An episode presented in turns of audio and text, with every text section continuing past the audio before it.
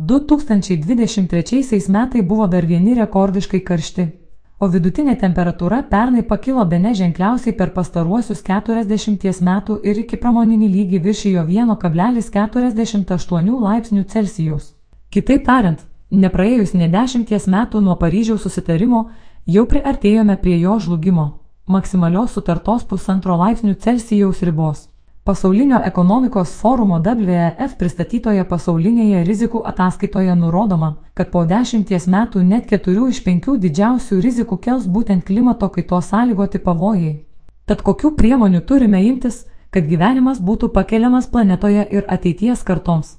Paryžiaus susitarime pusantro laipsnių Celsijaus riba pasirinkta neatsitiktinai, mokslininkai teigia kad viršijų šią ribą pokyčiai planetoje vyks geometrinė progresija ir sustabdyti pražutingų procesų nesugebėsime, o kaštai žmonių gyvenimo adaptacijai taps sunkiai pakeliami. Tikslumo dėliai reikia pridurti, kad nors 2023 metais ir pasiekė šią pavojingą ribą, mokslininkai, vertindami klimato atšilimą, vertina ne vienerių, o penkerių metų laikotarpį. Mat vieneri metai gali dar nebūtinai indikuoti tendenciją. Bet kuriuo atveju, tai, kad temperatūros kreivė kyla aukštyn, yra akivaizdu. Be to kai kuriuose regionuose, pavyzdžiui, didžiojoje dalyje Europos, Rusijos, klimatas yra daugiau nei 2 laipsnių Celsijaus šiltesnis nei prieš šimtą metų, o Arktyje temperatūra yra pakilusi net 4 laipsnių Celsijaus. Didžiausias grėsmės kels su klimatu susiję reiškiniai. Šylantis klimatas jau šiandien kelia daugybę iššūkių. Nuo karščio bangų ir sausrų iki katastrofinių audrų ar potvinių. Jungtinės tautos skaičiuoja, kad per pastaruosius 50 metų ekstremalūs orai lėmė daugiau nei 2 milijonai planetos gyventojų mirčių ir padarė ekonominių nuostolių už 4,3 trilijono JAV dolerių. Tai, kad klimato kaita kels vis daugiau rizikų, atspindi ir WWF atliktas pasaulinis tyrimas, kuriame apklausta per 11 tūkstančių respondentų iš 113 šalių. Nuo mokslo ir tarptautinių organizacijų atstovų iki visuomenės, verslo bei valdžios institucijų. Tyrimas parodė, kad respondentų manimų su klimato kaita susijusios rizikos po dešimtmečio dominuos ir sudarys pusę top 10 grėsmių.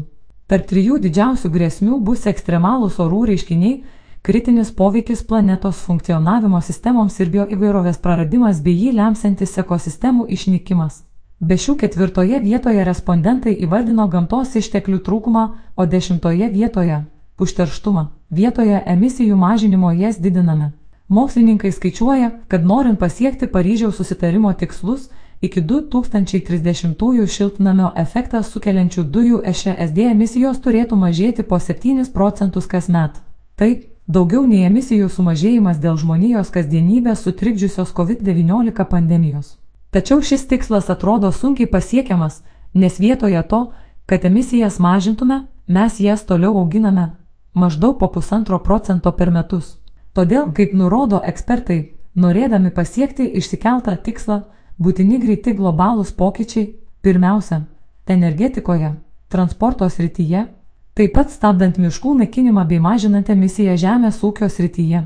Remiantis aplinkos apsaugos agentūros duomenimis, Lietuvoje daugiausia EŠSD emisijų išskiria energetikos, transporto bei žemės ūkio sektoriai, ketvirtoje vietoje - pramonė. Būtent šiuose sektoriuose ir reikalingas didžiausias proveržis. Lietuva, kaip ir kitos šalis, turi spartinti pereimą prie atsinaujinančių energetikos išteklių, elektrinio transporto, mažinti emisijas pramonės sektoriuje, saugoti miškus ir didinti tvarumą žemės ūkyje.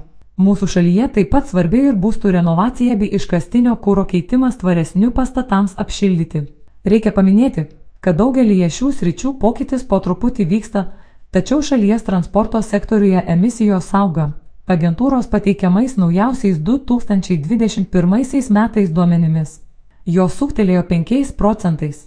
WF pateikiamoje ataskaitoje akcentuojama, kad globalių mastų mums vis dar trūksta progreso visose pagrindinėse srityse priimant įsipareigojimus valstybėms, verslo įmonėms, vystant technologijas ir tinkamai nukreipiant finansus. Finansavimas didėja, bet nėra pakankamas. Kartu su Boston Consulting Group WF pateiktoje ataskaitoje skaičiuojama, kad 2022 metais iš būtino 4 trilijonų JAV dolerių finansavimo tvarumą didinantiems sprendimams. Net pusė šio poreikio nebuvo patenkinta. Globaliu mastu ypač trūksta finansavimo ankstyvosios stadijos technologijų vystimui bioenergetikos, vandenilio, tvaraus aviacinio kūro ir energijos kaupimo baterijų srityse. Nors čia svarbiausias yra vyriausybių vaidmuo, bankai ir kitos finansinės institucijos taip pat ieško būdų prisidėti prie spartesnės sektorių transformacijos. Svetbank jau keliarius metus teikia išskirtinai palankes finansavimo sąlygas verslui ir gyventojams, pereinantiems prie tvaresnių sprendimų naudojimo. Pavyzdžiui, praėjusiais metais paskolų mažesnių emisijų automobiliams buvo išduota 32 procentais daugiau nei 2022 metais viso ne 34,3 milijonus eurų. Panašia apimtimi augo ir tvarumo sprendimų finansavimas verslui. Pernai Svetbank suteikė net 445 milijonai eurų žaliųjų paskolų, net 37 procentais daugiau nei 2022 metais. Didžioji šio portfelio dalis nukeliavo verslų vykdomų atsinaujinančios energetikos projektų finansavimui, sektoriui, kuriame pokytis yra įvardyjamas kaip vienas svarbiausių.